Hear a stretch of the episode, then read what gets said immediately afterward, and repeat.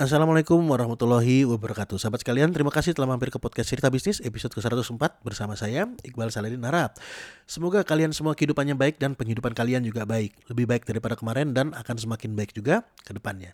Dan karena hari ini sudah masuk di bulan Sawal ya Dan ini adalah podcast pertama kita di bulan Sawal Maka izinkan saya mewakili seluruh kerabat kerja dari bantubisnismu.com Untuk mengucapkan takabalallahu minna wa minkum minal aizin wal faizin kepada kawan-kawan semuanya. Semoga Allah subhanahu wa ta'ala menerima dan melipat gandakan semua amal ibadah kita di bulan Ramadan kemarin ya dan semoga juga kita bisa dipertemukan ke Ramadan tahun depan. Amin amin ya rabbal alamin. Nah, teman-teman, Podcast ini disupport oleh bantubisnis.com, lohjinawi.id, serta Quantum Sinergi Umat. Di mana di podcast ini kita akan membahas tentang banyak hal, terutama mengenai bisnis, manajerial, dan keuangan. Dibahas dari sudut pandang saya pribadi sebagai seorang praktisi bisnis dan pelaku investasi. Harapannya uh, agar teman-teman pendengar yang mungkin ada keinginan untuk menjadi pengusaha atau bagi teman-teman yang sudah menjadi pengusaha, barangkali aja teman-teman bisa mendapatkan insight yang berbeda. So, kalau misalnya teman-teman sekalian sudah mendengar podcast ini ya dan mungkin ada yang kurang jelas, ada yang ingin ditanyakan, ada yang perlu didiskusikan, monggo langsung kontak ke nomor WhatsApp yang saya cantumin di deskripsi di podcast ini dan nggak pakai nunggu lama lagi, langsung kita masuk ke sesi cerbis kali ini.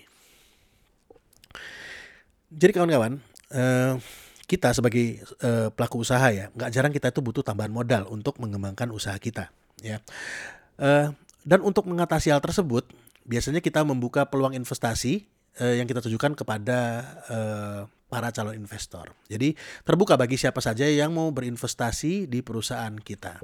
Nah, di sini saya akan membagi uh, jenis investor ya. Jadi saya membagi ada dua jenis investor ya. Investor jenis pertama ini adalah investor bodoh. Jadi bodoh di sini bukan uh, berarti dia tuh uh, bodoh beneran gitu ya. Jadi investor pertama ini adalah orang yang tidak memiliki pengetahuan atau memiliki sedikit pengetahuan tentang bisnis dan investasi. Mereka menganggap bahwa dalam berinvestasi harus selalu untung. Nah, dan uh, realitanya ya jumlah investor ini sangat uh, banyak sekali jumlahnya. Nah, yang kedua adalah investor pro. Nah, investor jenis kedua ini mereka paham tentang investasi, mereka paham tentang bisnis, mereka paham tentang bahasa investasi dan bahasa bisnis. Mereka juga paham mana investasi yang benar-benar masuk akal dan mana investasi yang berbahaya. Menurut saya yang paling aman untuk diajak berinvestasi teman-teman adalah investor jenis kedua yaitu investor pro. Mereka paham tentang risiko.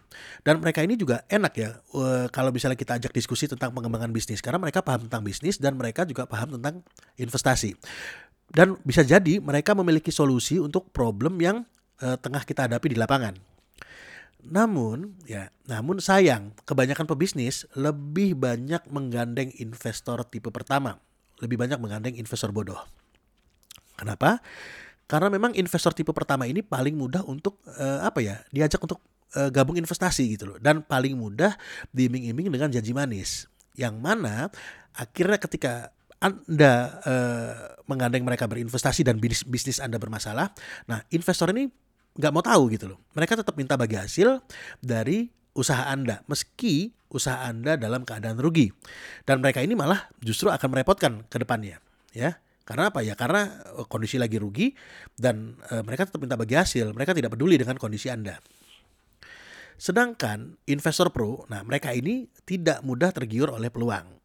Karena mereka paham bahwa selain peluang yang ditawarkan, mereka juga perlu melihat siapa yang menjalankan usahanya dan bagaimana cara mereka menjalankan usaha mereka.